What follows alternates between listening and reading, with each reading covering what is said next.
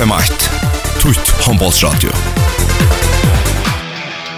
Håndbollsradio FM1 er sender ut samstarve vi Faro Agency og Vestpak Og i drotteren av FM8 er sender ut samstarve vi Movi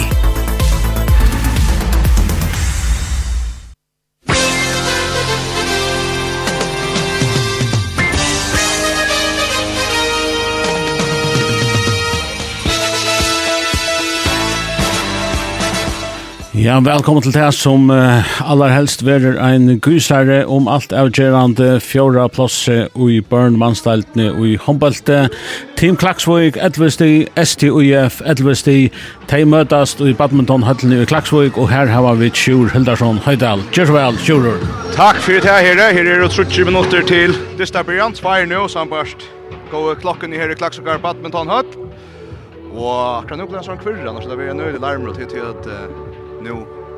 Och jag bara likearna komma av Vötlen tar jag där här till tonarna från Europa och så vi där Bittner välkomna ner. För kanske man jag Vötlen gör det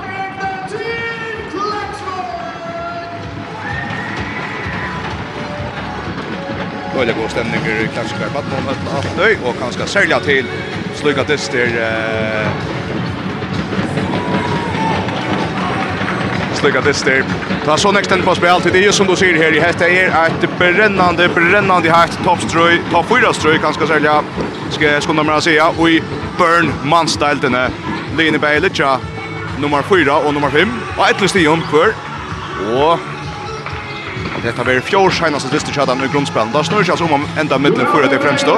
Så spelar du enda spel, så spelar du halvfinaler om förra med Och då har du alla møllager etter förra med seg enda du ikke middel for det fremstå, så er det unga med etter hver jeg må si et noen. Team Klaksvøk og STUF, eller Korkant Harra, er nærkant høy enda i middelen disse fyra fremstå. Eh, STUF er kanskje nær vi, tappar særlig vi KF, ta i korona stekka i kappgrøren og fyrrare, og Tinn Klaksvøk eh, er i fjør, Kjørte han utanfor, men brukte ikke nær vi. det var mars kjørte han første vinner av nyere enda spillet noen her. Det er tre nyeste dine spillere og sånn. Sørste kapping her i hoa sida. Vekkri gjør seg ut kanskje til at det ikke er så nekk folk i høttene som vi kunne tro. Som vi kanskje har sett av i år. Her Er Kavarok ute. Men her i høttene er hatt, og her er vi god håndlegger. Ja, så jeg kom her for en halv time, så jeg nå. Du har vel a bitjan stemning opp oppi Øren Hottnona og Paddenhøttene sida sitter han folk av hon går ja Dranjon Sälja. Vi är av två mån tre mån fyra står runt trommon. Här plia vi då höra Atlantisen som är lika mycket kus och konkur. Här vi börjar en avhajtan om att Här må gärna trappa upp till landstidsnär som är för framman köpa i kvinnon och månen. Då var vi sjön nästa hötterna. Jag ser för att börja vid bulten här och i det. Vi får att läsa till kon, jag ska se att det kon kvar er inne. Eh Andre K Hansen byrjar i Malmö og i halti hett i första fyrir år i Suche Andre og jag vet inte kos jag vet inte om han har spalt när jag säger han var skatter en stor forsvar här vet det. Og at for seinast var Charles Juliet og ta var Martin Jol med min rätt. Annars är det här som blir nødt här av Vinstra Vanche, Peter Parkley, av Vinstra Vanche, Peter Johansen. Så av mine verer Jatni Selvende, Og så alltid nok så avhåvert til er, så ut i høyre er så Steinar og Janes Presta. Her Steinar Presta stendte så som høyre bakker, og Janes Presta som høyre vonker. Og Svein Justinsen så ut der Jesse til Reier kom inn i veldig støv. Så, så Steinar Presta høyre bakker, Janes Presta høyre vonker. Bjatne og i selven her av Mine vinstra bakke er Peter Johansen, og av vinstra vanske er Peter Barkley. Eh, vi får lukka at, eh, vent at det distar brennan andre til det vi får lukka at eh, se etter gang forstola her, og så får jeg lukka rett på mikrofonen, fall. FM8, Tutt Håndbollsradio. Håndbollsen av FM8 er sender i samstarve vi, Faro Agency og Vestpak. Og i drotteren av FM8 er sender samstarve vi Movi.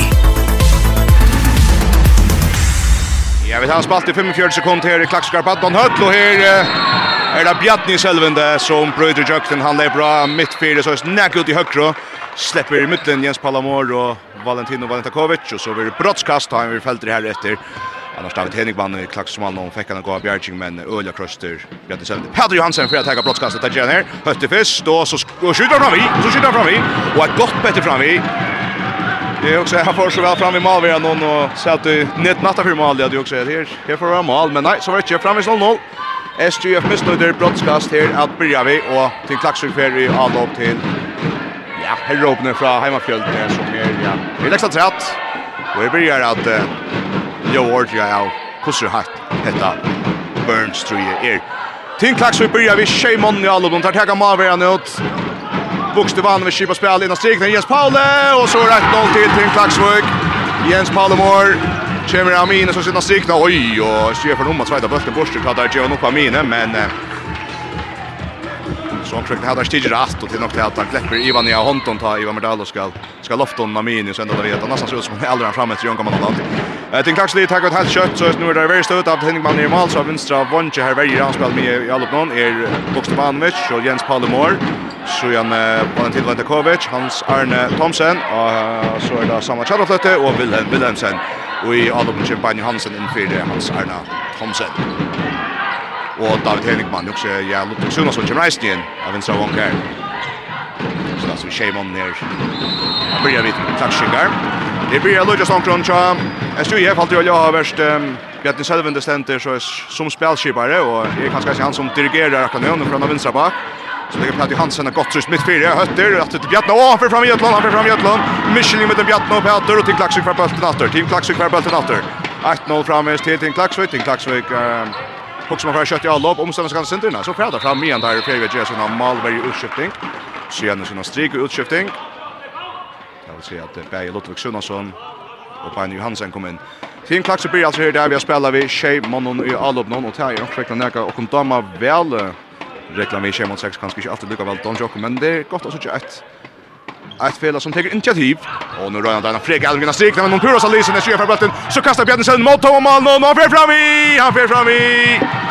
Bjarni Selm med detta tog. Detta detta taktiskt med. Det taktiskt med att han hejer Kila är sån.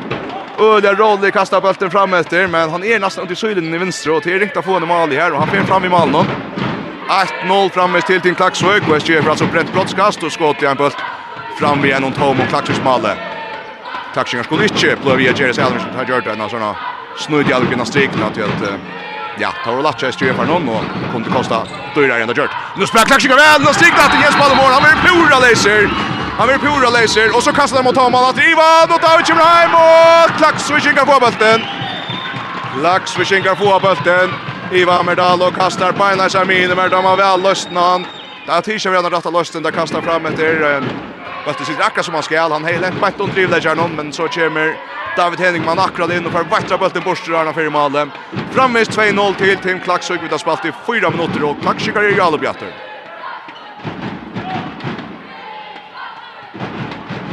Klaksøkinkar er jo på samma Kjallar slett i høyre bakke, Jens Palomor og Benny Hansen i strik nå. Spils vi Sheiman någon här från början. Och till rettene samman nå i tvei mot førerne kommer till Pura. Vi öppnar möjliga Vi åpna mølaga vi Jens Palamor og tog 2-0. Kjem Jens Palamor rundt igjen rundgang som lever bukka fra Minefis og høyre bak Samuel går plass ut av Villen og høyre vantje og så Bjerker Andri og Andri Bjerker og SGF Malnon. Går Bjerkjenk Kalde Villen Røyna shot innom. SGF Malvejan men eh, det var tidje 2-0 til Tim Klaksvøk, Tim Klaksvøk. Brenna, vångskott ur högre vid Wilhelm Wilhelmsen. Antrik har hans besökning första bjärg i det. Han lägger som inte att säga av i arm, men det här ser han spalt bäge här och han är sin kappgör. Han kan Brenna gå till sträv. Och spela en ströfar ner i Rölje Kjöf. Bjarten i högt vid en skott och spelar oer till Steinar, men han vill pengar till han kommer och när vid värna. Hoa snäger sig i jökning och spelar liksom av Skyvon Batche, så högra Batje. Kämpar till hans här ute i högra. Sjøna min här, Bjarni Selm, undra skott, håta sitt vel. Stussar mittlum bein, ja, David Henigman, och så er 2-1 till Tink Laks och Gersu för första mål, och TV Bjarni i Selvende, till jeg mer som Gersu Jefeien skal gjerna spela en gång, gående stund, ta skretten, Gersu att få fire mån, og ner ned toppstrøynon. är alltså Beiline, Ajun av 4-5 plasse, vi 11 stion, är 4 senaste lister, Chatamon och i grundspel någon, och ta tar Arjan Destiny kom spannar spalter så snurrar det sig om att vara vera mitten förra det främst då. Annars är det ute. Efter med det förra det främst så spel då halvfinaler. Ja, då att möta. Så vi vuxte vann med sig shot av er tackla Lloyd Center där var kors Ivan Merdal för tacklingsna. Vuxte vann med skjuter. Ja, hur ska jag? Sin crush skott och han skjuter ganska tror att han vet att han vill att han får frukast om han bränner. Andri Ishtar står Andri Ishtar stor och tror att han är att i Östergötland. Klaxvik går fram med sig alla på. 2-1 till Tim Klaxvik, Jens Palmor kommer runt i rummet nu. Pressar in mot Mine, så så shot chatta det jag kan bara fast uta Pressa Savong. vi Carvier Valentino på shot, 3 meter, 3 meter, då. Han nu spelar ska se, 3 meter någon. Och där tackar han för vi är någon rymmarskott som han neklar upp i handen av Malhot. Det blir alltid lätt, Valentino Valentakovic. Han ska förra bästa skytte Så släpper han skjuta mest som pura och turnover. Bant av stippla och tror med linjen alltså 90 meter från mål. Tror jag till till Klaxvik. Gå till Klaxvik början här. Tjeja, tjej minuter för norska men tror jag till till Klaxvik. Tjej minuter för. Vi hade sett åh fast ändå plats här och för brottskast. Nej, frikast. Varsågod. Det styrer oss han i domaren till att det är Michel Tekos. Han pekar så är oj Mission guys just ju i Van alla helt det här Van alla detta brottskast så han sparkar sig ut av punchen att det pratar då igen så för han blir nog för att ta frigast där där Jens så här så det är Bjartne att gå för mitt fyr oj oj oj oj oj det rymmer mal från Bjartne Sölven där Rennes skott mitt fyr och ja Nekla i Valentino bulten upp i malhotne så kört det ja en öler hammar här från Bjartne Sölven 3-2 till Tim går så over 4-2. Det er vet og at det er brekt skått. Lekt ut i høyre och så gör släpper sig kött. Kött fram och så har vi en gå stöva. Här det tacka inte Jag sätter inte spötter rätt i spel sig domaren. Så gör sig John där. Men 4-2 vill vi förskilla vid någon Ortans Ortans mål ner. Först Valentin Antokovic vi rymmar rymmar skottet. Alltså det är inte livande chans som avgör. Han måste skruva upp på målet. Och så Bjartni Selvender vi är någon ja. Oj, nu räddar skottet här han fikk en utrolig med i sitt skåt och får upp i vinstra målhåll. Kjøtner mitt fire, og så vokste Vanovic vid ett kända öliga breja skåt någon och kan otroliga gå en viktiga skåt och snutar på målvägen. 4-2 till Tim Klaxi och så vinner Tim Klaxi bulten. Nu frädar framåt resten. Sanna Shadowtet. Öle Kröster skjuter. Onka Trublar till andra och inte dömt och SG för bulten alltid. SG för bulten alltid. Sinder kaos här. SG ska vara veta pressis. Sveiner ut av vänstra vång. Kvar jökt ner. Det bjatt ner och så loppar han bulten om han för Malverjan och så är 4-3 till till Klaxika Sjöp med Kramonen. Det är till Klaxika som är av i all här som man kallar för att skjuter av högra backen så hoppeskott. Och helt jag vantar sen då bara tackla vart ända så vi att här är det blockar fyra och skottet är center darve ut vill jag säga. Inte där står Chopla kanske mer än någon så och gott plats in vägen och jag tänkte kommer man vill så vank här. Här på George Post. Och så halt jag sen Petter Sandvik skor att tror jag mål nu och det är Och gott och så kör vi bort Pura Fröjer med Antti Bjärkar och så kastar mot Tom Alnon och fram vi och framvi och framvi. Ja. Men rymmar Bjerkjeng från andra Hansen och i SJF Malmö. André K Hansen som alltså är åter i SJF Malmö. Ska se om han är väl här nu. Jag börjar vi heter kappgrare. Kör det sägs ju så gärna i jolt. Så det kan ska lägga färnar att det bonde jolt heter. Så tror jag håller på helt upp. Fyra trøy. Till till Klaxvik som spelar väl in till Beiner och här är mål 5 trøy till Vuxte Vanovic. Hötte spelar vinstra bak så spelar han fast vidare och så kan Garcia för en aftergall och i Tar spel inte på att rätt upp av mina, tar där för kött och mina. Och tar skulle som det dövsa, klaxingarna tar det som inte tänker utskifta. Skifta sig ut och andra där normalvägen till kvarja värjestövo. Men det är inte ett nästan enda släppa kött och mina. Så jag tar akkurat inte göra så här nå. Ja, nå vi kan omärk vill säga att standa stilla alla linjerna ett av få bøtten rätt fram och strikna. Fem trøy til til Klaksvøk. Øylig mål här Bokste Vanner spiller Bernie Hansen pura fri han strikna. Bjarni Sønder, det er bra, en annen fer, Høtter, og Erne Patti Hansen, så ut av högra vann, Jans Presta, han frigjør, og han skårer. Hade David Fær, Løyde Petti av bøtten her i Malmö. men bøtten sitter som han skal, han lykker vel fer i neti og her er 5-4 til til Klaksvik, til Klaksvik til Alupe. Jeg kommer av ferien av dest nu. Valentino, da vinser han Jens Pauli, ja! Trøster det vinser han, Javi Kjøpta skårar, og av ferien er syre for utbestand. Jens Pauli Mård. Jens Pauli Mård. Skorar tve strykne, annars kjenner vi det næsten at han kan Porsche Ronk og kjøter hoppskott ut fra, og nu... Nej, det er øyelig godt vonkmål, om vi så man säger så han... Han enda kanskje mest av tilvildning av vinstra vanget, til der er ikke, det er ikke skifta som vinstra vanget inn og så framvis. Og så kommer han og lever jøkken, og blir kant av vår, og han skårer korsene vel. Og han blir kant av vår, Jons Presta skal ha vært i 2 minutter. SGF i undertallet, vi har spalt i 11 minutter, her er 6-4 til S till OIF. Och nu där om att komma sig tropläggar. Sen är presta pengarna på att nu sätter han stånd nu här vid Ivtrak Eisne. SGF har kommer sig tropläggar. Kan få en på sjur här stövne. Kan få en på sjur här stövne. Och så kan kunna klaxingar spela utan spel. Vuxte vann med Kjertetje till en taget där roll. Så hade han spelat sex mans i all upp någon. Men till det Sjöberg är det fem mans och i Här är det bara fem mans i varje stå.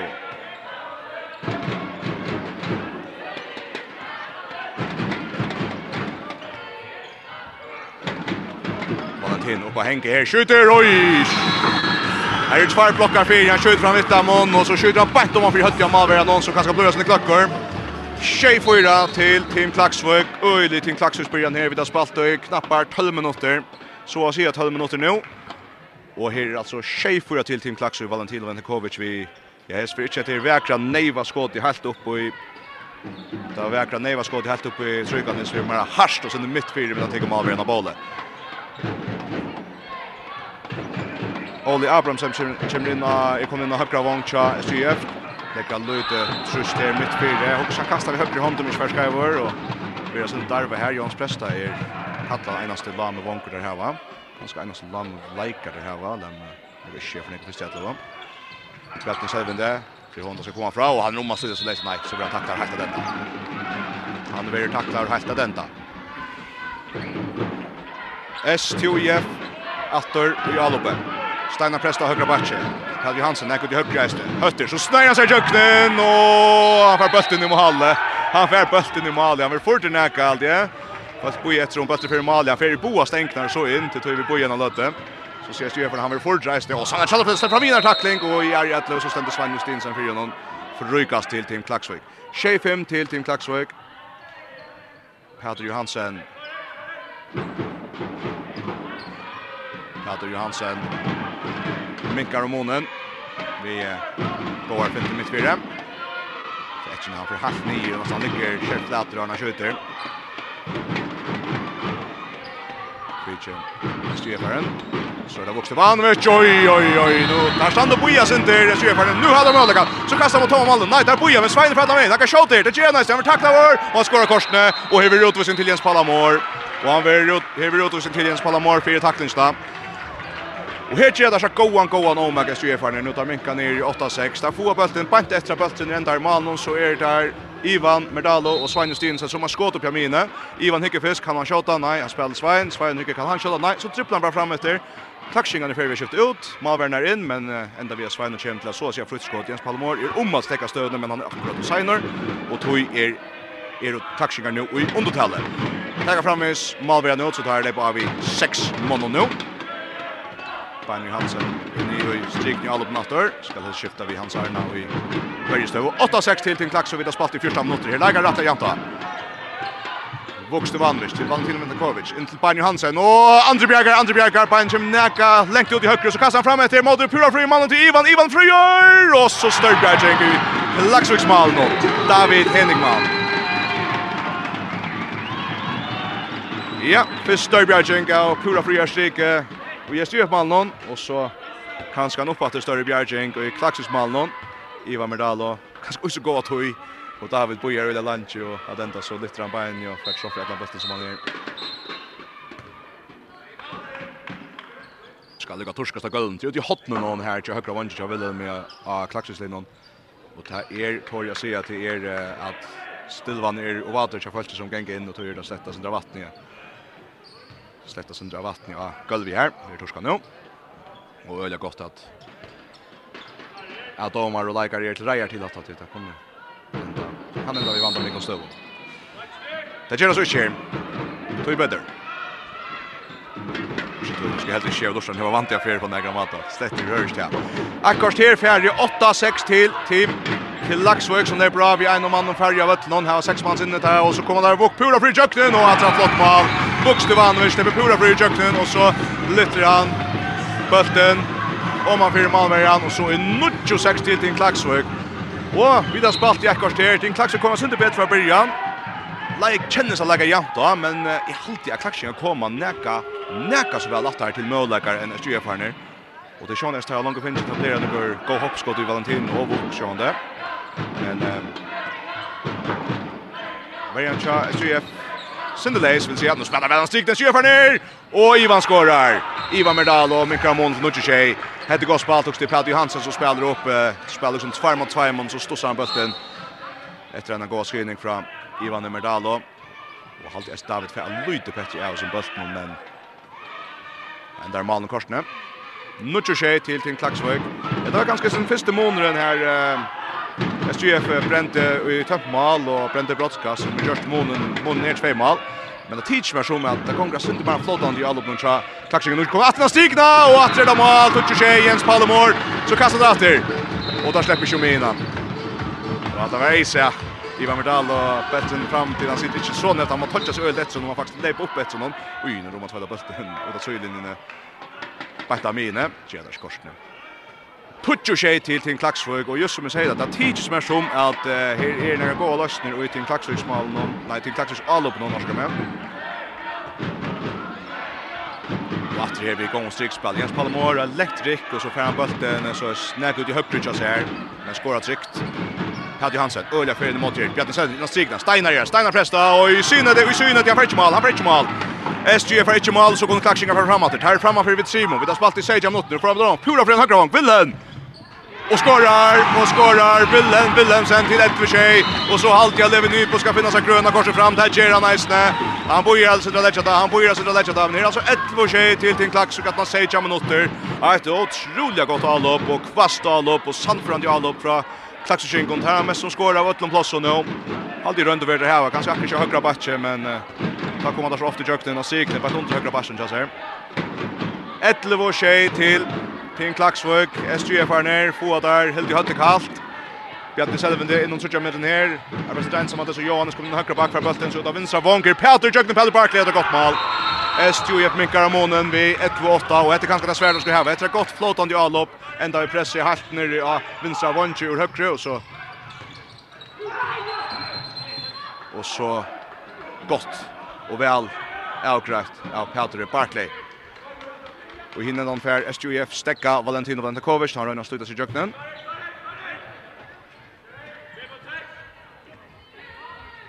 Martin Klaksbjørn Klaks teker fyrna ja Bøtten hon Seta sin kjenta mannen natter Så kommer Jens Paul rundt i en rundkring Sjöfa sentrum upp igen för Mattberger Så kommer Bøtten väl han signal Jens Pauli från natter och så rymmar Björn Kjell brottskast i brottskast. Hetta er nekka så vel etna enn annan fer. Hetta er en bølter som Bergens Paul kan få fætra. Han ligger helt nere i gulvet nå. Og han gjør... Han får hilte strikspilleren och Richardson kjøs her. ver jöknen. Oj så rimmar. Rimmar brottskast fra Vukstevanovic. och tar man en halvoppa bulten. Ut till domaren flyttar. Andreas Indre ute. Ikke til reier. Vantar ganske han høtta. Nå bølteren ligger vekkors og han kysser i det här när han detter i malet. Her er 12-8, her er 12-8 til Tim Klaksvik. 12-8 til Tim Klaksvik. Og Bjerstor Gudmundsson. Bjerstor Gudmundsson kommer inn for første första färd SJF. Han kommer inn høyre bakke. Da var det bara åtta skjuten där han kjenner nå. Arne Olsson, ja. Och nu gång på bulten rymlig valg till SJF. Han enda inn i sikten, men tar standa fyra Klaksvingar. Klaksvingar standa fyra.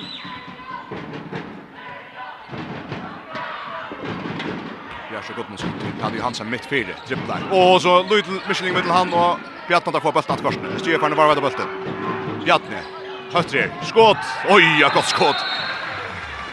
Han var gjøre nekk shoulder, han hickar första spel strik nu och så flitis varje spelare i iver mot strikna, och så justerar Bjartne i luften, och väl så i stein skått, och ja, David han äger hevda skott säger han sjolver, han er etter spilt, noen er fyrir helt i minutter halv nutjo til Tim Klaksvik er ju mycket att månen men det er altså Tim Klaksvik som har haft månen här där og jag knappt på 20 minutter av Satna 20 minutter av förra halvlek skulle vi si, jag med Eller vi Valentino på Janne Pura och tar vår och han så bulta bulten i Vlajarno inn. Han klarar skottet här från 1 meter. du ska slå honom skottet från 6 meter. Men det gör han. Och så plats ut i vänstra vånch. Oj, Peter Barkley. Plats. Oj, Bjergjeng, Bjergjeng, Bjergjeng. Bjergjeng att i Klaksviks mål någon. Här är ett sätta nutcho till till Klaksvik. Och Klaksvik fram framför Ötjo på Demira. Fram med Sonch timeout för Stjuje. Buksevanovic skjuter. Och kvar ända bulten. Han ända till inkast till till Klaksvik. Andrik och Hansen Bjerka vi fått någon. Bulten stöcker upp i loft och är från Johannes och Valentino efter bulten men Ja, Johannes färsar sen illt alltid han ändrar han okej okay, allt. Klakshingar var ved bulten etter innkast. Bulten støkker etter Bjergjeng ut til innkast til Team Klaksvøk. Og Klakshingar er i Atrialopen. Jan Eli Ragnarsson er inne i strikene nå sammen med Beine Johansen. Jens Palomor, ja, han er veldig utrolig essentlig. For han er veldig akkurat fyra malon, ja.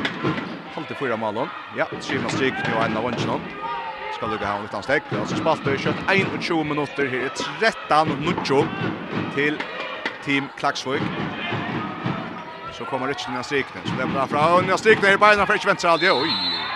Där han luftar på men till Nevan och Nevan vi vilja. Ivan som drar nykt detta. Så tack så mycket kanske. Ända vi räka. Sen vi alboa man. Det ser för honom. Men så skjuter Valentin ut fra och Hesfyr är Malvin Nörk. Där vi Bjärgen kör ju så pratar fram med Shadow Lob Jons Presto i målet. Hoa David där och upp ett spel. Det är inte för det här för målkorsne. Antrika Hansen vi går Bjarke fra Valentino, kanskje skåte til Valentino sitt ikke vant som vi det våna suttjan. Blir at, ja, Pack skjøt han oppe i langkra og han hatt så det er høyest til å teka. Hesefer, Hesefer skjøt han kanskje meira, ja, jeg vet ikke, skal han som jeg kan si, men han som Robert Sjøpelat hatt alltid som Lattar kommer över och tagga. Saman Shadowfoot. Saman flott. in mot Mini och så flottar spelgen efter Bokfinner. Barney Hansen med Antri K Hansen rymma rymmar Bjärgsgator och SJF Jalope, SJF Jalope. Här framme tre mål om och till Klaxhög men nu rönat att Mikko Monions pressar plats till högra vänster och skorar skjut. Nej, han skjuter stånd, skjuter stans, ska med. Han skjuter så stans när Jonas Presta. Jonas Presta stans där SJF är mål men nu får Brottliga så jag näck bättre ut så SJF och det ska attacka värre nu runt gå om Bjärgsgator och i mål någon från andra K. Hansen. Men till Klaxur frammes. Vi fotlund hemmer halvt i dysten. Nu ska Vuk lyga på Indalisser mitt fyra. Sätter.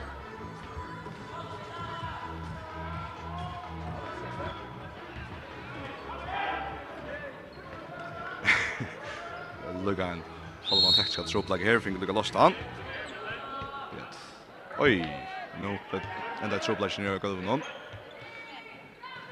det är touch spela bult där och fast i åt ända sen ja, han skott ner han kan flyga för när låt affär att det skulle ha låt till och till så man blir god spelare Jens Palmor uppe hötta här så kan han strikna så jumpa ut av vinsa back och allt om av vänster bonk och jag spökst och allt Thomas Simonsen som är jökten på ultren för Ikke inn, André K. Hansen Bjergar, André K. Hansen Bjergar. Fire Bjergar fra Andra, og så Bjarni Selven, det øya vi krøster, bøtter vil legg frem i, til en klaksik fra bølten atter. Hendre øya nekk nå, hendre øya nekk nå. Framvis 13-20 til til Klaksvik. Framvis 13-20 til til Klaksvik. Jeg sier skatt ved det Ekon. Peter Marsen Eliasen er det som er vinstra vange til Tim Klaksvik. Her ser Samal Djuros. Samal Djuros og Mine. Jo, skifter vel ut til Taksingar. Så det har på vank vil den her faktisk etter bøften for ikke på jøkken korsene. Så att samma Jakob, där går Lisa Batche, Valentino för en paus nu. Som han fixar bort där av vänstra vång fram inne, men här kommer vi igen just i mitten så att hotna kast till Taxishinkar. Och så tar jag Klaxishinkar time out. Så är time out till Hein Hansson. Förölja, vill säga. Outger driver och lägger time out. Jag har också inte varit nöjd vid, men han är färdig att skifta sönder ut och så bort för en paus. Det är ganska han man lägger sälja mest till. Så skiftar det ut av vänstra av Bonche, här Peter Martin Nielsen vinner av det och som ökar Jurus alltså den här. Sen har det Esten haft Janne Eli Ragnarsson in i strikne. Det här som jag hade över i tog tid. Jag vet att först när kvar att kanske har spalt så brett, men här Tidigt så värsen det flyger om Boye. Här alltså 13 toucho till Team Klaxvik. Vi har spalt i 23 minutter. Team Klaxvik. Vi går runt hammer halt här. Det första lötna av Diston. Första tredje Diston ska ju runt över och se. Eh, vi tar en lukka på rødbrokken sida fra her, så får jeg lukka just det jeg synes jeg. Her. FM8, Tutt Håndbollsradio. Håndbollsen av FM8 er sender du samstarve vi, Faro Agency og Vestpak. Og idrotteren av FM8 er sender du samstarve vi Movi. Movi.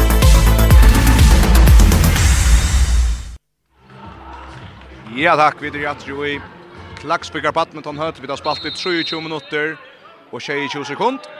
6 og en halver minutter etter av fyrre holdet ikke. Og det er altså Tim Klagsbyggar som har vært i, og jeg så å si at fotlund hammer Et hans øyla vel særlig alle opp noen vil jeg si.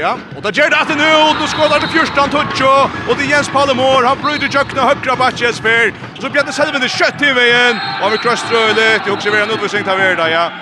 Klagsbyggar, pura, pura og sander. Det har vi vuxit Ivanovic. Nej, men det er Jens Paulus som färna.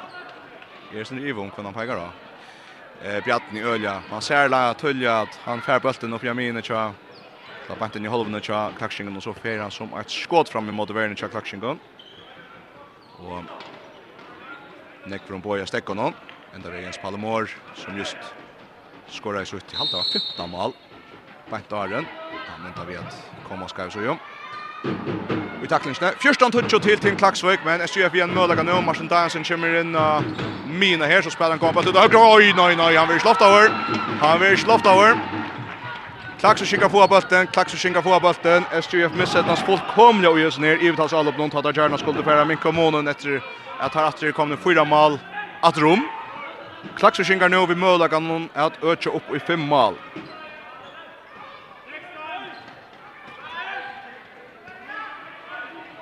Klaxishin går i alloppe. Malvera nu till aftur. Det här där som ofta. Så spelar 6 mot 6 där Holman är 6 mot 6 där är en färre.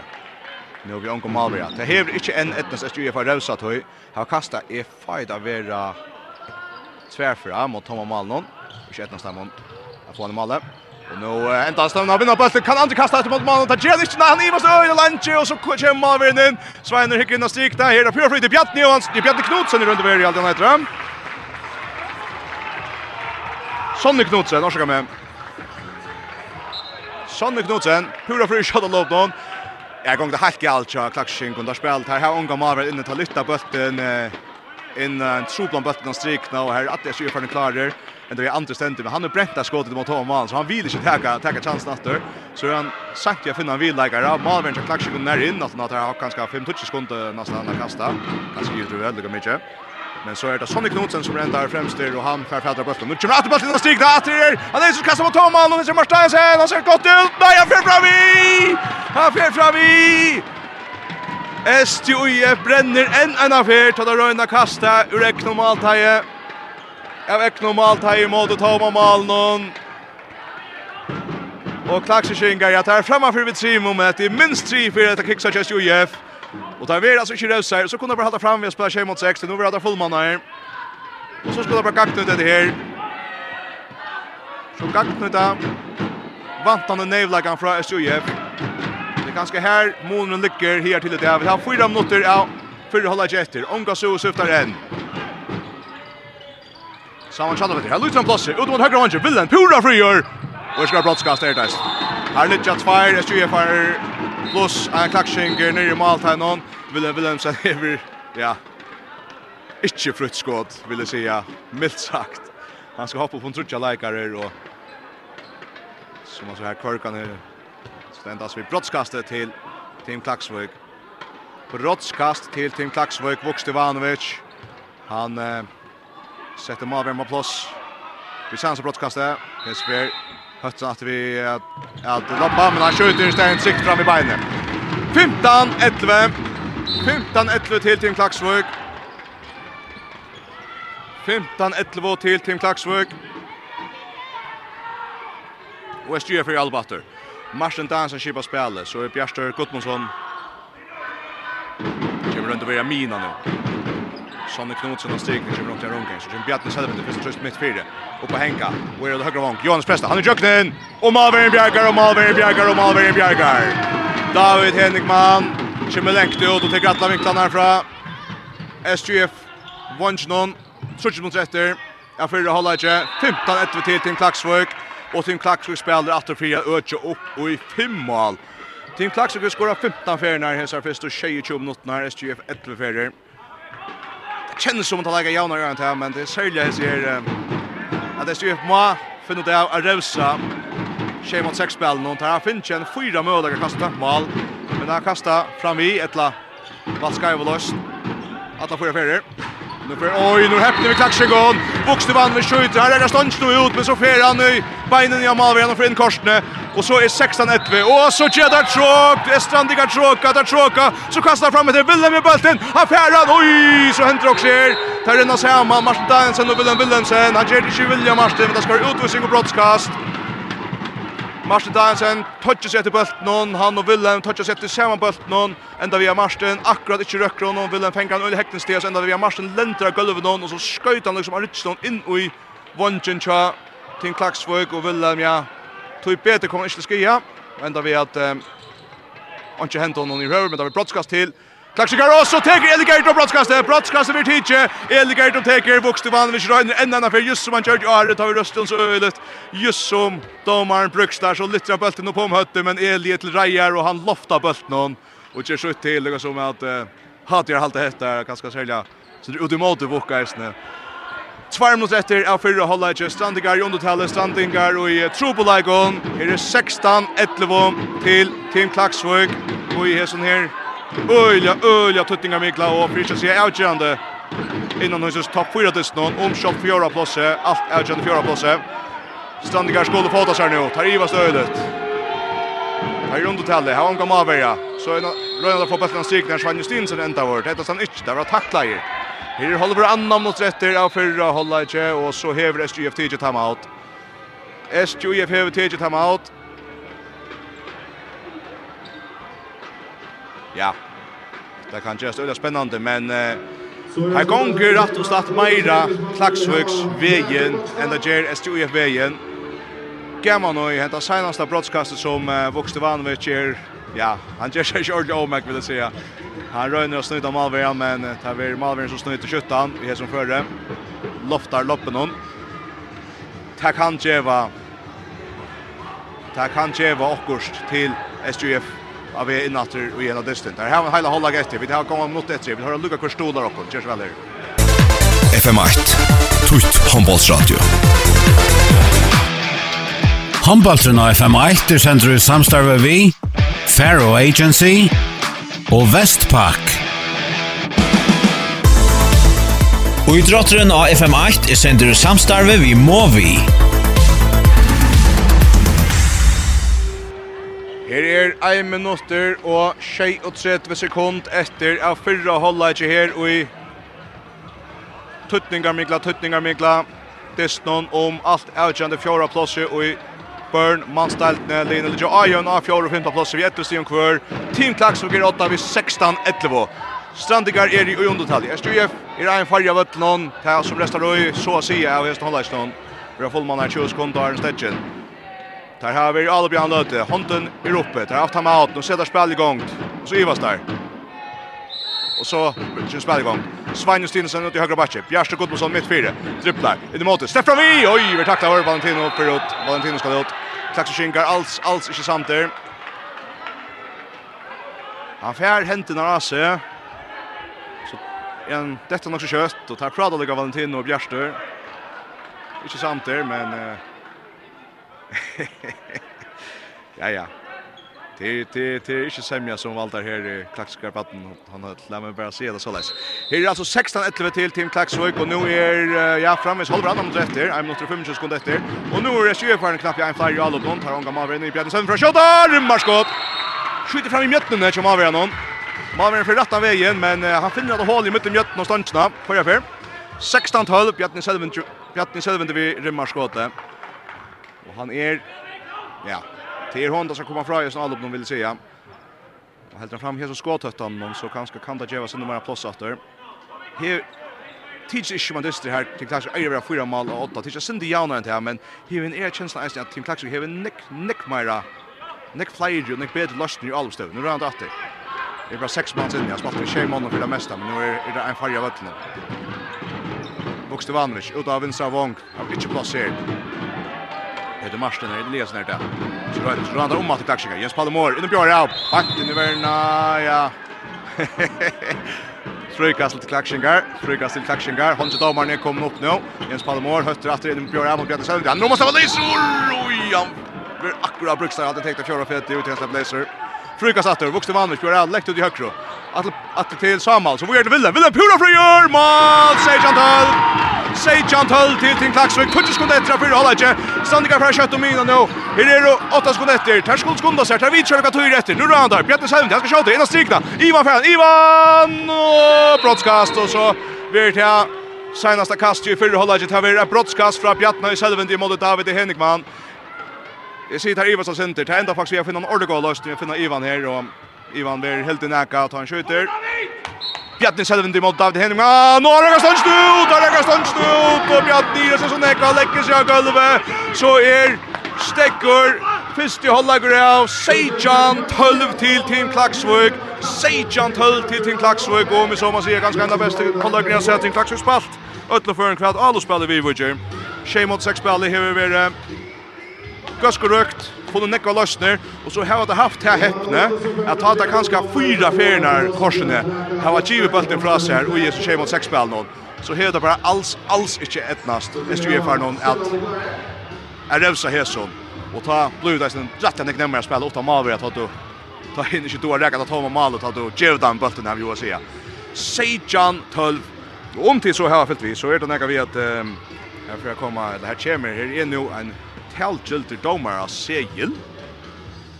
Eh, det vil säga en talgiltig domar av segil som ska köra till Milar och under Hampels av Hawaii för att hjälpa en Rikvo i Ivlet Jung för skora några.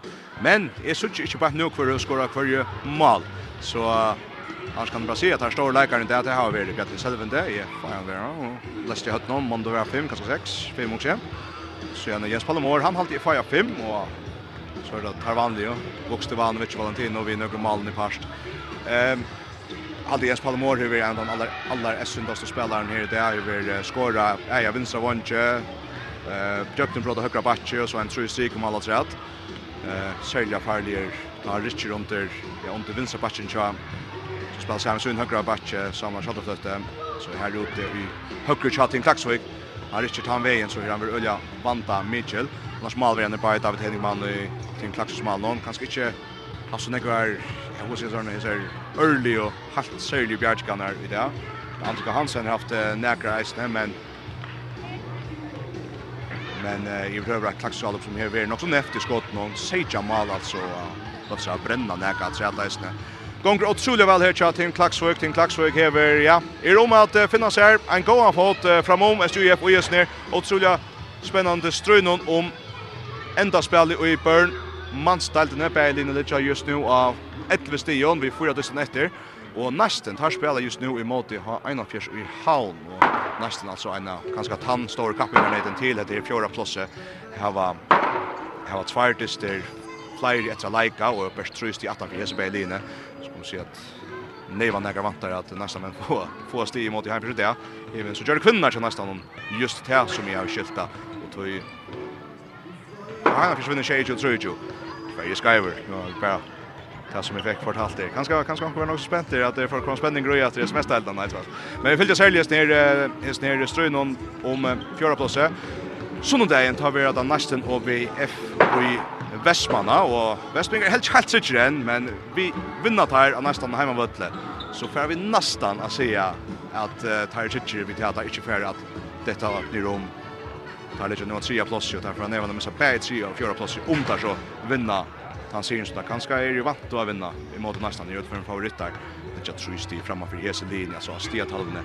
Otroligt hotagande ströj och tar var kanske just det vi var av att det är för att helt har vi denna för förrummet när kappen går lasten. Han kommer till sin rätt nu och Och det ser alltså ut till att Tim Klaxvik är det bästa korsen i hånden just nu till att röka FM enda spelen. Tar fram för Sejan 12 här i Hollagstation någon. Vi vill att vi sätter med Hollagstation om en av Lutla Lutto. FM8. Tutt handbollsradio. Handballtrun av FM8 er sender i samstarve vi, Faro Agency og Vestpak. Og i drotteren av FM8 er sender samstarve vi må vi. Så færre vi når rattur til Klaksvigar. Gjør så vel, Sjurur. Ja, så er det rattur til Klaksvigar. Badminton Hutt, Badminton Hutt, er det da? Og her er altså, om du ikke har hørt å fyrre hållag, Seichan 12 nå vid just det for under 17 hållag. Tin Klaxer Gary all oppe og derfra tveila bulten borse beina veien her framme, sånn gammel Malver inne. Svein kastar fram mot høyre, Steinar Preston, Puro Leise, Malver nær, nei, Steinar Preston akkurat, og i Mali om en stund snart, David Hedingman nær i Mali, så Sveitran så er ja, så er snakket i høyre vondtje, men Malver nær ikke heim. Så går Brian här tjua SJF i sättna hållet, alltså Sejan 13 till SJF nu och lossade det inte efter förra hållet. Så är det detta syndet här som jag vill sjövan, är att till klax vi spelar vi Shemon i Alop, de till ettan så avbra väl, men en av en egen orsak till att till ettan så väl, påast han har spalt ut går chanser så framvis. Det är att SJF har varit otroliga, ja, miss ett när vi att Jevsa då ta. Klacksingar spela bulten, spela sig av bulten, ta malver, ja. Det är svetnas alltså SJF också, den första för det att ta väl ett nas ganska fint för att få möjligheten och så. Tack så mycket alla att vi kör med någon vuxna vann släpper in om till metern och förna stigna till Jan Eli och här står där ständer i vägen Stefaner. Sejan Setan till Tim Klaxvik var var åtta Sejan 12 i Hollandsson. Så det var där här Klaxingar. Jan Eli för att bollen har släppt en broadcast. Ja. Tidigt så öliga grätt kvart Atlas här att det är ofta här ute i högre tjua Tim Klaxvik och till andra Kurs Wok eller Samal ofta är Wok ganska som ska släppa bollen innan strikna. Och här Jan Eli ständer simpelt rött och så ju och så får där eller ofta brottskast. Benny Hansen tar brottskast i Eli Gerdon kommer. Han skorar Benny. Och ett chans rättan till Tim Klaxvik. Och att det Tim Klaxvik att halva här och i Hesson. Ja, det som jag har tog att kalla det här brännande hejta topp 4 stry i Burn. Manstaltene. Bälinje alltså Ajon och Stion. Ett vid Det är fjord senaste dyster om jag hade lyssnat rätt här va? Här lepa Strandigar efter. Pat Johansson kommer ut. Oj, han rommar sig på kökten. Frukast. Eh, Strandigar lepa har annars andra kvar Hansen i mål. Han vinner Atlantisten, Nu stäjer väl. Av vinstra vunche hade Bartley av Vinstra backe Patrik Hansson av min Bjarni Selventi och högra Bonche eller Jonas Presta och högra backe eller Steinar Presta in i Ivan Merdalo Och det kanske ta mangla en skytta stod runt till Bjarna till att det är hövärja så sen fyra och går varje blocker om som man säger. Oj nu spelar sig över bulten nästa över ner. Där spelar sig över bulten. Där spelar bulten eh, framma strikerna men Ivan han gör helt. Han försöker för inte stoppa sig när vi den bulten. Men Klaxinger är bulten, nu kommer fram och der Där framme blir fem mål ner. Bukstevanovic skorar, sex mål av Mone. Klaxinger åtta, nu chans rätt av. Bukstevanovic och SG Farner steppar akkurat i någon kött och mina. Malvern är innan till Selven, det till Svein Stinsen. Tøtt mot strikne, og så må han teka ferien av bulten og bakka. Her helt det fram, Magenka gengar ratta vein fyrir Klaxinger. Her helt det fram, Magenka gengar ratta vein fyrir Klaxinger. Nujjan, 13 til SJF.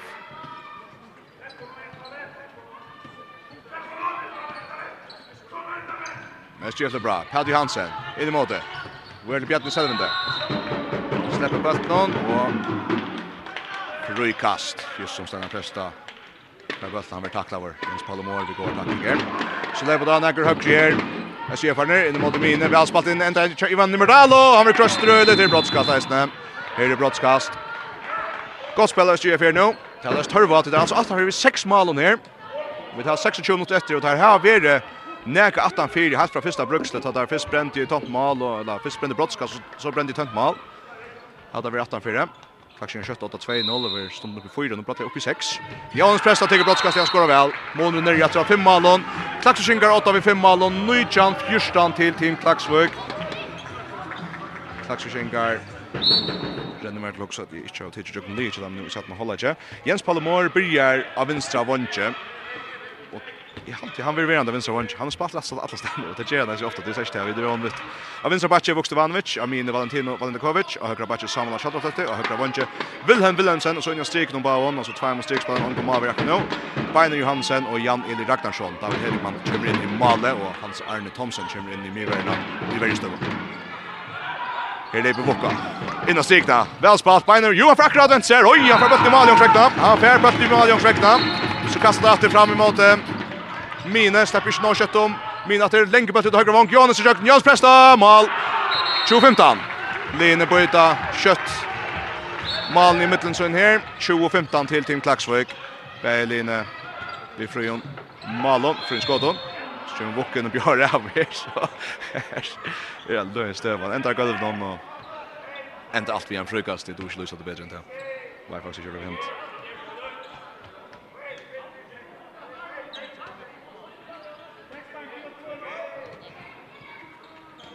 Jag får ju åtta i snitt. Jeg tar en fyrsjånd vannsundtist i måte nesten i semester, det er mer det morsen, vi tjej malen, det er som fattar Leia. Och där ger Bokstevan med Jason här i Klaxvik. Han fattar neck vi Eja. Han, han kan skjuta rätt så alla stan fram vi Ötlom Mövelion. Imso skotton. Ta tisch ju mer snägg vant jag för men så löser han skott jag mitt fyrju. Där sitter också jag bak fram i benen i andra i målen och skjuter det smalberg för ner. Eli Gertum Eli Gertum kör in i målet. 1-2-15 till Tim Klaxvik. 6 mål av Mone. Klaxingar efter. Vi står och kontroll och så vidare där bollen Klaxingar där vinner bollen. Kan fram i Ramshot och lopp där det är just för skulle det heller. Nu har det der, altså, så fast Hermland om en av distene. Nu skulle kanske kanskje eisen om at ikke å kjøttet av. Og Løyva Mona Minka kjøtt. Jens Palomor, og gott press inn etter, men finna akkurat ikke rött lasten til enden, så Klaksingen skifter ut. Her, eh, det luktar av Oliver av at uh, etter Darren til Team Klaksvøk, og Team Klaksvøk fyrir at Ledja seg av fjøra plasset nå. Hesen vunne bøtteren i vergene. Hetta var øyla att det så som händer ta Hitli är det sindri upplöst allt igen. Och bulten för Bush Runch. Styr det så kanske inte några för nice inte alltså inte. Buxman skjuter mål. Buxman och till 2 och 15 till Tim Klaxvik och så blir det 2 16 och Hesse för ett nästa pjatten Selvin det att få bulten i mål utan Thomas målet. Där gör bulten upp av Mine och så Här är Lars där och Ötlundsson. Jag är inte så någon. Han skjuter fram i ena för men det här var varit Jag synter inte så Donald Lea skörda Tom Malde. Han lanka till Amine så att David onka chanser att nå att av bulten. Lite gärna bulten i Malde så också ganska Malvern i notta. 22-16.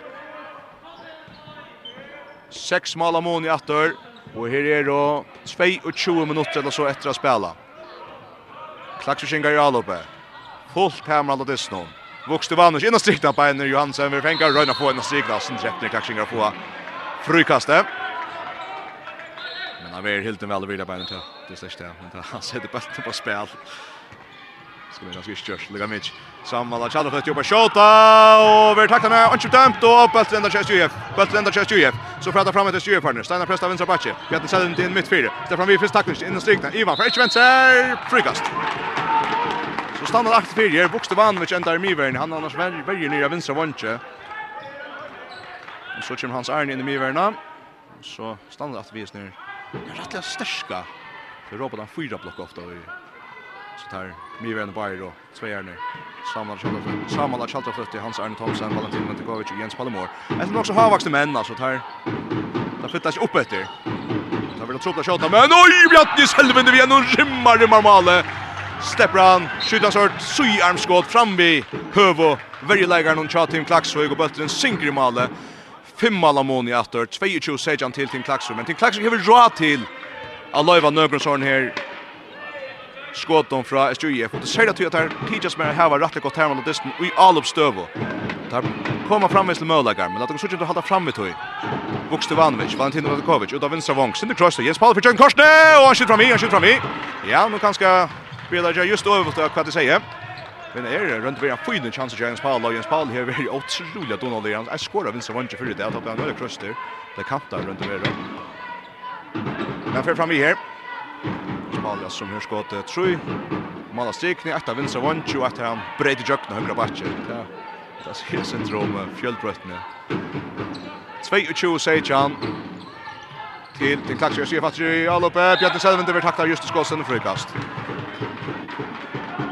öll är er det rätt satt ett i Bjarni Selvende. Ta till han som kan skjuta ut fra. Hinven Jons Pesta nu kommer in och högra back. Men tills inte man spelar som som kan få ordet flå som vi fattar känna men han kors nu på en gång här blir Bjartna Bjalten när kan högra så det högra Wangstein Presta i köknen läkt av läkt vi ja han skjuter så vi ska ju hånd. alltså han är högra händer och spelar ner i högra vånche här han er på ett om vid Jonas Presta och ja leper Løy inn og kjem onkel Orchis Goldstone. 22 säger han till Team Klaxvik og Team Klaxvik heter er kanskje til at det er tids som at chansen er tja SGF er a lute synder verre så kommer det fryra vannsdom men til han skal jo vankra så han, han skjuter vid høyre hånda tids på mer samförande i Klaksviks Malum men det er sånn hvordan lager fyr så man kjallt on an for Jöknen er det bjerg broadcast? er broadcast. han bryter Jöknen høyre batsjota sjøen han vil krøster og er brottskast til Team Klaksvik på Annie Hansen for at hekka Arne Johansen för att täcka. 20 minutter, kjøtt 11 minutter farne, 22 sejan til Tim Klaksøy, Tim Klaksøy har brottskast, og ta fer i målet, ta fer i målet, han får bæg i ståndsna, og Eli Gertum i målet, og fikk av av bølten, men han får i målet korsten i, så er ikke jeg aner Anders Gosser rundt over, og her tøktes, da må han være helt ut ved ståndsna, og Ja, klockan snurr ikke sig seg i Hoast. Kaj stånd, kom över i Bjerga 4. Så ju tjus agent Tim Klaxvik. Sex mål av måned på en Johansen skorar brottskast. Som sammanlagt Kjalltra flöt i vunnit Tim Klaxvik i støvne. öden. Gudmundsson inn in just skipar spjallet. Bjartne Selvende fär en stekk. Jonas Presta, vi er Pat Johansen, så vi er Bjärsta. Bjärsta Jøkken åtta etter godt mål för Bjärsta. Bjärsta. 22 Ajan. SGF minkar mån natter. Kjemmer Jøkken lengt åtta skyne i vinstra av vinstra backe, klaksingen kjører seg helst ratt, kjører helst ratt i et løyvån om det her. så kör han längt til vinstra vong, og Lotte Sjöna så skjuter, Eli Bjergar Malon, SG för bølten. Klackningen får ikke mal Malis för. Kjellar nok så kjøtt av klakskingar, og takk han SJF Gagnuta, om det er min kommune til, Pjatti Hansen og Bjørster. Ja, så takk det flere av bøltene, han skal skyda godt. Sjöns bästa över Orek av Rao Vuxte Vanvich som drar nu till vi her av Viffer med spelar kvar er. Bjärsta Gudmundsson och Jonas bästa plattar samman ut i högre så bättre vänstra backen Katte Johansen. Bättre sent altså pausen nå. Så Katte Hansen. Undra skott i vägen av hotna kast. Och tar vi fakta Hans Arne och Valentino Ölja Kleir för enda blocken här. Alltid Valentino som fär blocken runt över dem. Hotna kast till SJF. Pat Johansson vänstra backe. Benjamin Bjärstor Gudmundsson. Ivan Merdalo spelar ut till högra back så kan jag se. innan Ivan Ivan Fryer mål ja ja så fint där två målare här standing guard 23 nu Jan till till Klaxvik och känns att är ändå inte så att att SGF inte är vill in efter dyster men har tagit kom upp av T6 ganska skit här Det är var inte större för spänning i det men kan vara möjligt nu. Och så gör Klaxvingar. 3 och 20 nu Jan till 23-19 til Team Klaksvik. Team Klaksvik i Alupe. SGF ut igjen for maktver. Palli Hansen også högt opp i Orga Valentino. Valentino länkar på till vänster från Klottvik i Jöknen Han skårer. Han skårer. Jeg tror det var spalt. Valentino ut i Høyre backen, langa bollen om han har vänstra vång och så er Lottvik Ølja flyr han skårer trygt. Og så er 24 Nujan til Team Klaksvik. Team Klaksvik ökjer om hon att upp i fem mål. Her er det 16 minutter. Knappt det, 16 och halv minutter efter.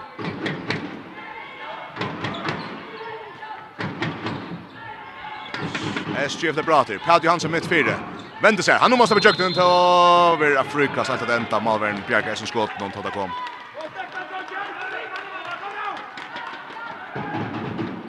Fyr och tjugo. Nujjan. Fyr och tjugo Nujjan till Team Klaksvik är chef i Albe och tar chef hit. Bjärstrup Gudmundsson vart dömd för fel så faller Schöndel framåt till Ludvig Fremsen för bulten och Störbjörn Bjärking från Eligerdom. Klaxingar på ikke mål, så får han Sandikar himmel, Jonas Presta, og mot høyre, og nå venstre vong, Bjerster, Lysen Plosser, vi takler denne. Der kom på plås, Klaxingar ner, 24 nøyjan til Team Klaksvøk, men uh, otrolig område Bjergjen fra Eli Gerdom. Hatta heie, ja, da sier han, så, sånne støv kunne knekva noen liv, vil jeg si. Heie, Luttvøk, skåra Hæsson. Kjødda lopp noen, SGF Atrialoppe. Iva støylet her, Och så man vinner sång. Pato. Han är jöknen. Pato Barkley här mål. 4-2-2, SGF minkar om månatter, SGF minkar om månatter, her er 4-2-2 til Team Klaksvøk, Team Klaksvøk i Alupe. Der hengt ui SGF her nere. Og tar det tar som ikke sikkert av vinstra vantje, det er det. Og Jans Pesta kommer inn av batchen, det er for å spille vanker, så tisje är som att klacken kan ska flytta sig så det mer att lägga sig mer plats till högra högra vång en så högra sida char styr en vänster sida. Kanske ska se för det alla måste vanta Mikler. Hans prestation en god mål fra Høyre. Nå, nå får han stadig opp alt det her tønt mål! Ivan Verdal, han er frøyer, han får Atlamin Kjolver bare, han får Atlamin og Animalio skårer, og så er det bare strøymål til Valentino Vendakovic som er sinter uh, tullet kanskje alle opp, når får opp og høkke til, god skåst og gammal nøy, men han langer i vledgjeren, og bølten ender kjøres i erfaren, og så tveiler fram, og tar tropladje vi, tar opp Renne Sorna Mølager, og han ender ikke målstunden. Til, du hever unga maver inne, Og SG-erfarne tar vi velja at ikke tveita fra sin er ekne Hollywood. Han kastar atlan veien fram etter Jesse Omeg og trippla fram og skåra. Og så er det bare tru mal Amoni her. Vi er kommet inn i senaste disse fjøringen. Fyrsta minutter etter. Her lever til Klaksega, ut mot vinstre. Så helt om han vinstre vonk! Mal og Doik Sunnason! 25-21 til Team Klaksvøk og Strandiga Fjær i fer fram etter. Peter Johansen, høtter om han vinstre. Peter Barkley! Bjarkar, Bjarkar, Bjarkar, David Hedikman Bjarkar, og klaks og kikkar fra framme til. Her plass ut i høyre, Willem med bøtten, han var spukst og i bøtten i verna, og her blir det tråk i mot Willem med Svein Justin som kommer plass, og så gonger vi øyla fer himme, nei, så takk da fer, nei, gammal nøy, bønta mine, så boja der. Nei, Pedro Hansen sier nu, nu, nu, og så framåt mot Pedro Barkley, han ser braksis i jøkten. Han, Jag har alltid tills det var sämja så att i högre så känns ju jag får med att spelet ska tar skulle som skipa sig annut John. Där ska skifta Bjärstrid att ju alla på. Bjärden själv inte känns äste till Ryan finns en fitta paus nu. Eh men så ropar Patty Hansen till Vincent. Nej, Kor Kor Kor till om ettans Patty Barkley har försökt att vinna vunchen men ändå att en frukast till SJF. Här är SJF Jalbo Jans pressar. Han passar Brattla vägen och Bjärchen går i mål och David Helgman åter. Öjeli Bjarki Gastor, han slapp hura fryr här. Jons Presta fintar alla vägarna som han är, men David Henigman bjarkar, 25-21 framvist till Klaxingar, 25-21 framvist till Klaxingar. Og hette der støvnar, det er som at uh, Klaxingar, Luitsen flyr Bjarkar, Luitsen flyr, ja, vel etna i skåd, om det er jo mening. Lars, sjálf han det öjelig, öjelig anfallt. Jag tror inte Luitsen att det är så mycket fler, det är akkurat nu. Gå tackling mitt för just UF här i Klaxus Alumdon. Klaxus skinkar alltså och 8 25 21. Här är det när knappt 13 minuter efter att spela. Valentino Vatikovic och Charles Hugg över tacklar. Frukast. Frukast.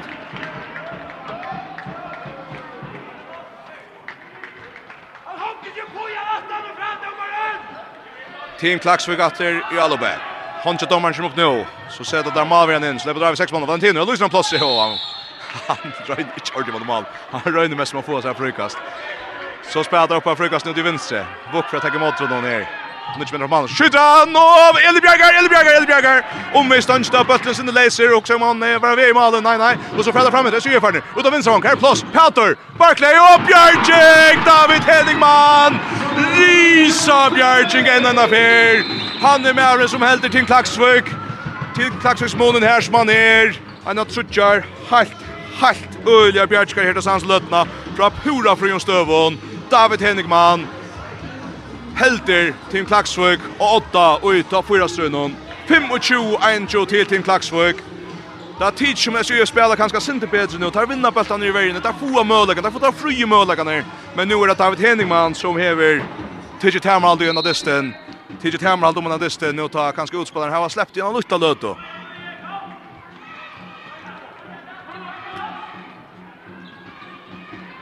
Og at jam minutter farna setten og holder ikke knapper 12 minutter etter å spela och som Disnon er sånn otroliga troliga tøtninga Mikla Disnon og utav fyra ströna altså om til alt er kjenne fjøra blåse og klakse gråd, der spiller Velders, inte myndi bein innan strikta Jens Paule feran og Jens Paul skårar, Jens Paul mål og så feran der kjøtt himmel Sandikar. Jette Selvin, utav høgra vank, her er Jonas Bresta, men gitt hva henter David Henrikman, vi øljar vong Bjergjik enn för 26-1 til Titing Klaksvik, SU er for bølten vi innkastet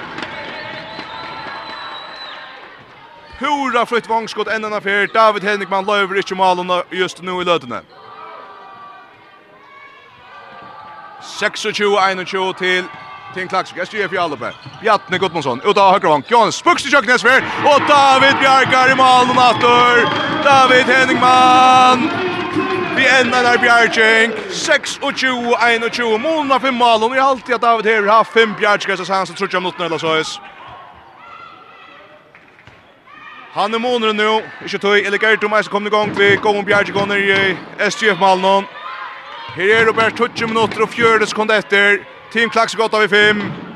SGF har kommet til Mölagar för etter för nu. David Henrikman Bjarke Malmö uppåt till flyer för när. Saman Chalafletti innan han för han ser med jöknen och bränner Eli Bjarke åter Eli Bjarke.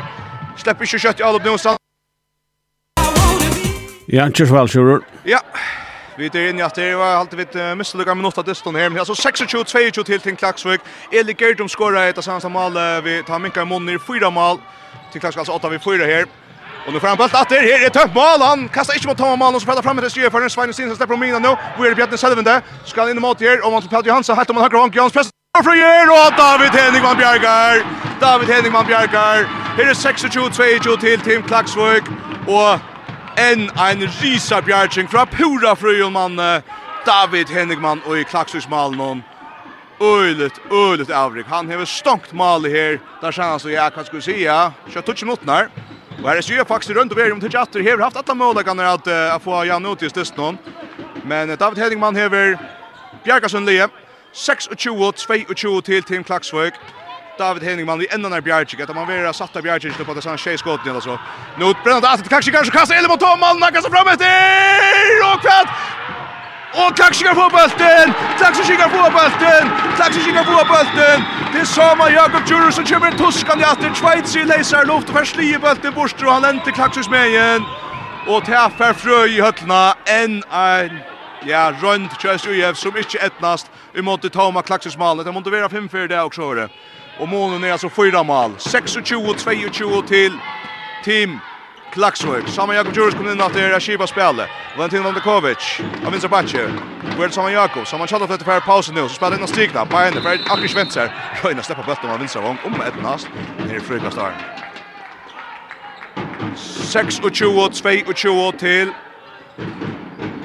Team Klaksvik, Team Klaksvik, Albo Valentin, og stigna pura fra Janeli, mål! 22-22 til Team Klaksvik, Janeli Ragnarsson, Øtjum i fem mål av måned, og vi tar bare tjej mot rett å spela, tjej mot rett å spela, Janeli Ragnarsson, skorar av strikene. Det er bra pura fryer nu i 6 mot seks spel någon. Det er ikke et av dem så vel, som det gör det i stora parsa distan och blå fryer i tjej mot seks spel någon. Och jag kallar kunde det ett SJF 20 för att jag koppes distan hötte. Det finns alla möjliga möjliga Men David Henningman til klaxsmalen hever stonkt malen nu en av lenka latte. Han fikk ett mål i jøkten nu. i, jeg vet ikke hur landet. Det var så i tank mål alltså han ikke var inne. Shay och Chu och Tvej til Chu till till klax. Jag ser för ner krustet. Här är jag uppe. Där har 6 håll om efter det stund att koppes nå høtte. Bjärse Gottmansson. Inne Björn över tacklar Lutsen det frukast.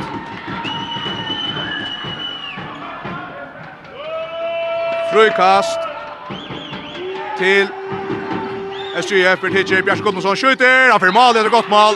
Bjørst Gud... Oj, nej, nej, nej, det är inte mål. det är inte mål, det är inte mål, det är inte mål alt igjen. SGF har tidigt time out just åren en skott över löst av. Och jeg halte att uh, han körde Arn skott över löst av, och Arn skott er der malen hos Ølja. Og tog är alltså tog till dette mål inte. SGF har tidigt time out. SGF har tidsi timeout.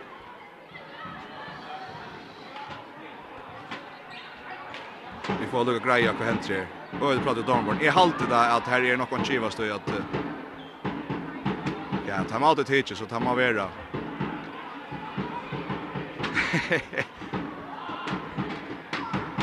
Det er faktisk inte ovissa, men alltså det här tar vi upp i handel som att de har vi tar bägge linjen som de pratar öjligt.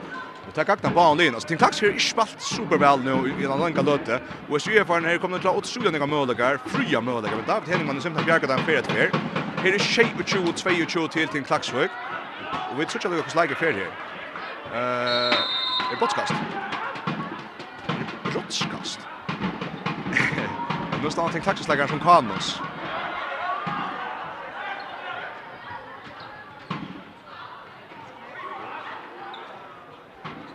Er det? Ja, nu omprøver ombrømmer Lars til. Dette er en støv her alls i shit shit shit shit. Det är brottskast.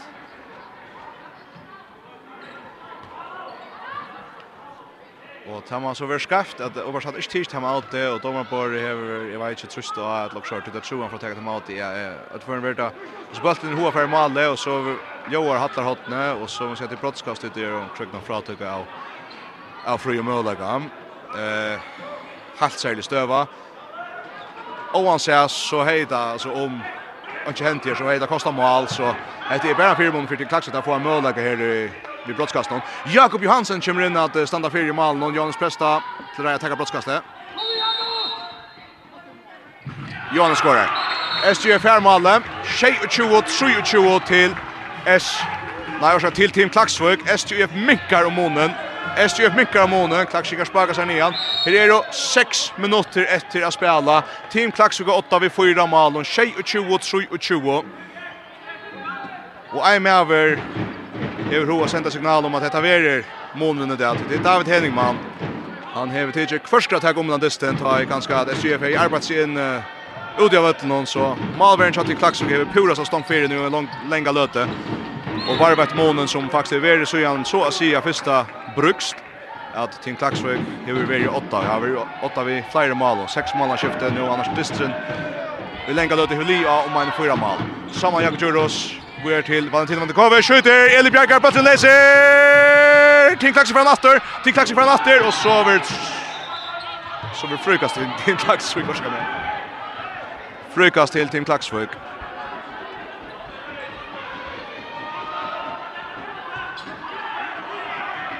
Frukast til til Klaksøy etter Sindra Kaose, og så er det fem minutter etter, 22-23 til til Klaksøy, to en gang bæra til 4 mån 4, heima her. Valentin oppe og kjøtta, Eli Bjergar atter, SV vil få en her tømt mål, der fyrir skår her, Pjadi Hansen, Amine og Imali, og her tru mål av måne, Atla Suric i syftaren, 22-24 til til Klaksøy, men hetta Jack Alle, Valentino i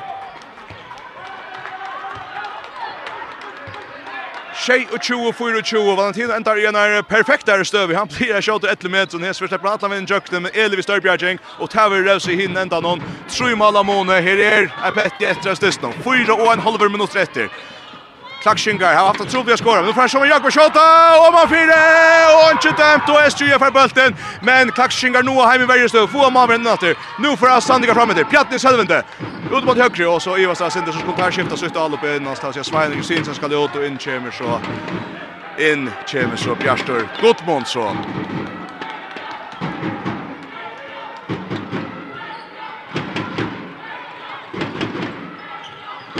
SGF i Alubi her, Spelar man av vinstra back. Bjartne, lengt i jøkken, og han skjuter fram i her, frukast, frukast. Allt i tepors nu. Jeg husker frukast først i hattelig, han blir, han blir arkare sinter, men uh, gonger så ikke knøtta med han boi etter frukast, vi dømte det ikke. SGF varma i bøtten. Trutjer minutter, trutjer minutter, trutjer og halv minutter etter. Trutjer malamone, SGF attar i trimon. Bjartne selv vinner vi rymmar skåte, høkket opp om drivleggjeren, tvei malamone nu. Holvor fjore minutter etter. Bjatne og i selvende. Og til disse erkjørende hever SGF sett en og 16-leggeren som heter Trygve Havardsson. Det er uh, avhåverst. Jeff kanskje. Han kommer av Vinstravång. Jeg vet ikke om Peter Barkley hever en kontrollblagga. 22-25 til til Klaksvøk. Her er det god trutsk mot rett å spela. Bukste Vanovic, inn mot Valentino. Valentino, lengt om en høyre. Hvor er Samal? Gonger Sancha til Klaksvøk nå. Så backa där på Jesen Notchon och så fer få där nytt all upp till gott korsa punch just ju Jeff. Till det ser för har röpt om att han vill ha varm med domaren uppe men nu kör man inte upp till att nu var det nytt all upp till Klaxingar. Tog att ha ver en rövsing till punchen för ja chaftas lite dock så över Robo vidare. Klaxingar uppe Valentino Valentakovic. Valentino Valentakovic spelar väl som en challenge till 16 inom 30 meter. Weird Book Walkers lutar en plats i kvatt. Innan signa på en där. Og Eli Bjerkar i tømt mål! Det kastar fram etter! Peter Johansson prøver å gjøre! Ett mål av Måne! Ett mål av Måne! 22-26! 22-26 til til Klagsvøg! S25 minkar i ett mål av Måne! Og her er vårt 3 mot etter! Eli Gertom i ferie venter av desten! Gjør som David Henningman kjørte i hinn enda noen. Han fra Bjerga rett og satt Øtlund, han frie med å legge noe nå. Og det kostar øye kjøtt. Det klakker spillet fremme, så tar man over. Det er halvt av til det. Gjør som første brukst. Og tar fra Gjera til sørsta bruks. 2 minutter og 15 sekunder etter. Så lever der av her. Standinga, innan stigna, pura, orsak til klaksingar, pura flyger. mål, Janeli! Janeli Ragnarsson, færbøtten av stigna, han skårer om i stundsna. 28-26 til til Klaksvøk. Sandiga Ralve, Bjartne, flyger. mål, et mål av Moniator.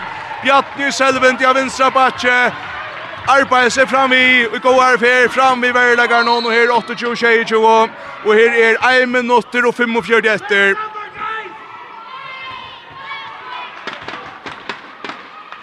Ein minutter, 45 sekunder etter. Hetta tar fyra stry, er ikke av. Line Litsa Jøn i stion. Line Lecha Jöne Stion. För det enda Jöne Stion här rätt inte. Klaxiger här bäst i korska handen. Valentino släpper vidare tacklar men så blir han tacklar här efter så blir han tacklar här efter. Frukas till Klaxiger Granuchon. Skora Klaxiger nu så blir tro på Chastandingon. Här är 1 minut och 15 sekunder efter. Team Klax går av Einon, 28-20. Team Klaxvik. Vi har lopp här. Valentino. Utav vänstervång och så häver Heine Hansson till timeout. Ja, Bult endar må mal någon och tvättar spela Weir och Ingenier Horst hattar åtne. Men uh, här är tills time out Iron att att chansen kommer. 8 og 20, 6 och 20 till Tim Klaksvøk. Efter detta time out så hever Tim Klaksvøk. Efter detta time out så hever Tim Klaksvøk ganska inte alla verens tog att göra så lite någon i all någon. Men där har kort i sin håndton, der har det Jørgen, ja, det har först ju album dessen kom till 8-2-0 og har varvet månen. Jeg minnes ikke om det har uppe 6 etter 6 men det kändes öliga tryckt klaxus med igen, men nu får Eligert om Bjarke och så det öliga av min kommun till UF. Vi tar lukka kurs stora spänning nu. FM 1, Tutt Handbollsradio. Handbollsradio FM8 er sendur i samstarve vi, Faro Agency, og Vestpak. Og i drotteren av FM8 er sender samstarve vi Movi. Her er ein minutter. Her er ein minutter og 11 sekunder etter av Ein minutter og 11 sekunder etter av som destan om det er otroliga tuttningar Mikla. Allt ärkande fjorda plass i Börn manställt og hetta strøy er brennande hatt. Tin Klaxvig i alloppe. Framför vi einon, ein En etter, efter. Tar vi Orekvar. Pat Johansen ut jo, Årekvar. Och så var så tacklar man till och läckte upp i Vettlund. Hon tar upp i han lötet. Där ska skona sig nu. Gå på Henka. I den strikta. Bäst till för den för Det 20 för den fänga. Är 20 för den Henkan. Och tack och fram fram. Nu fram efter. Tack så mycket om att komma plats. Jons Presta. Han vill tackla. Han vill tackla. Og Pjat har tatt hamat etter strefarner i vest. Der Atlas er ikke takket da. Her er det 35 sekunder etter. Bjarste Gudmundsson kommer inn i avloppet. Bjartnis Helvende Kiva spiller. Råpar Ivan. Han skal rundt igjen rundganger. Jonas Besta høyre bakje. Bjarste Gudmundsson første trus midt fire. Fer mot høyre. Krossa Jonas. Jonas Weird Vince. Bjartnis Helvende. Innom til kjøpeten. Inn i Bjarste. Bjarste. Åh, Og her er utvisning i miverne. Tja. Takk til Kjengon. Just som Bjarste Bjarte vil fengaver. Så Alvich kom fra Bjartnis Helvende. Men Hans Arne Thomsen hever Først, unge styrfaran, sier dommerne, jeg satt ikke selv hvor, jeg er inne vårt bølt noen kommer, det hendte just som bølt man sleppte. Her er det 22 sekunder etter, 28-22 til til Klaksvøk. Line ligger pura gjennom stien av fjorda plosset, alt er avgjent i fjorda plosset noen, og vi får ikke vite hver for affære i fjorda plosset noen, fyrir enn om en gåa minutt, til noen teker SUF Susanne Tamat, i halvtid sa det rätt att det var 4 sekunder efter, kanske 42 sekunder efter. 4 sekunder efter och en dyster som ja, så han hötte vi blå spännande ta och i SJF var han brottliga för att få färdsan ekon. Eller Gerton kom in, Antti Hansen steg för det mesta i malen och stod han kom för hållag.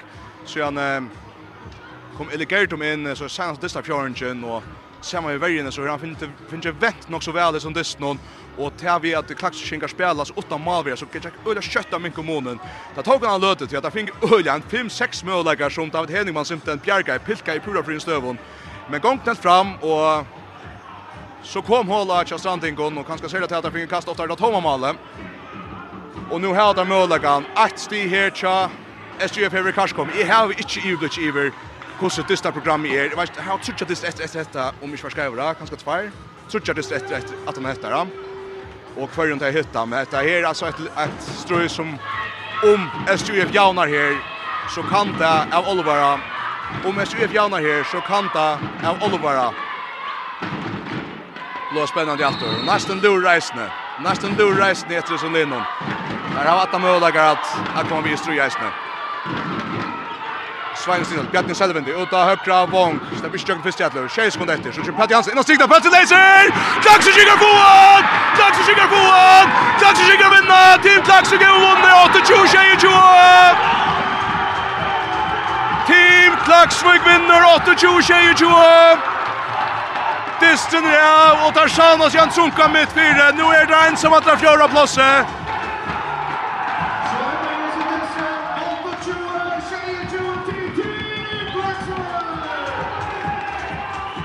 Ja, der kom Isle mulig her i Sands og med SJF. UF. Her er Mischelin, Kalle Bøtter skulle jo sikna. Svein Justinsen skulle enda bøtten, men det gjør han ikke. Og så enda det vi til Klaksø vinner bølten, tar han ligger leisa gulvet, noen halvtid vant hinn, og sørste Gjetle som tveit seg han bulten bølten, og så hever til Klaksø vunnet testen, og er tveisti lest av fjøra plås noen. Vi lykka nekvon, testen, som SJF. Her er bare trutje det etter leika, men nesten hever en Oksra skulle ha sagt. Men her hittar altså Heinafjørs just nu, her er hugsi at uh, det er faktisk det var... Og Team Klaksvøk og nesten spela nästa høstkveld, altså om just denne vik, om skildar alt, i Klaksvøk. Hetta styrir ikke av en, men Team Klaksvøk et risa størst fet framom og i hesson strøynon. 28-26 vinner Team Klaksvøk.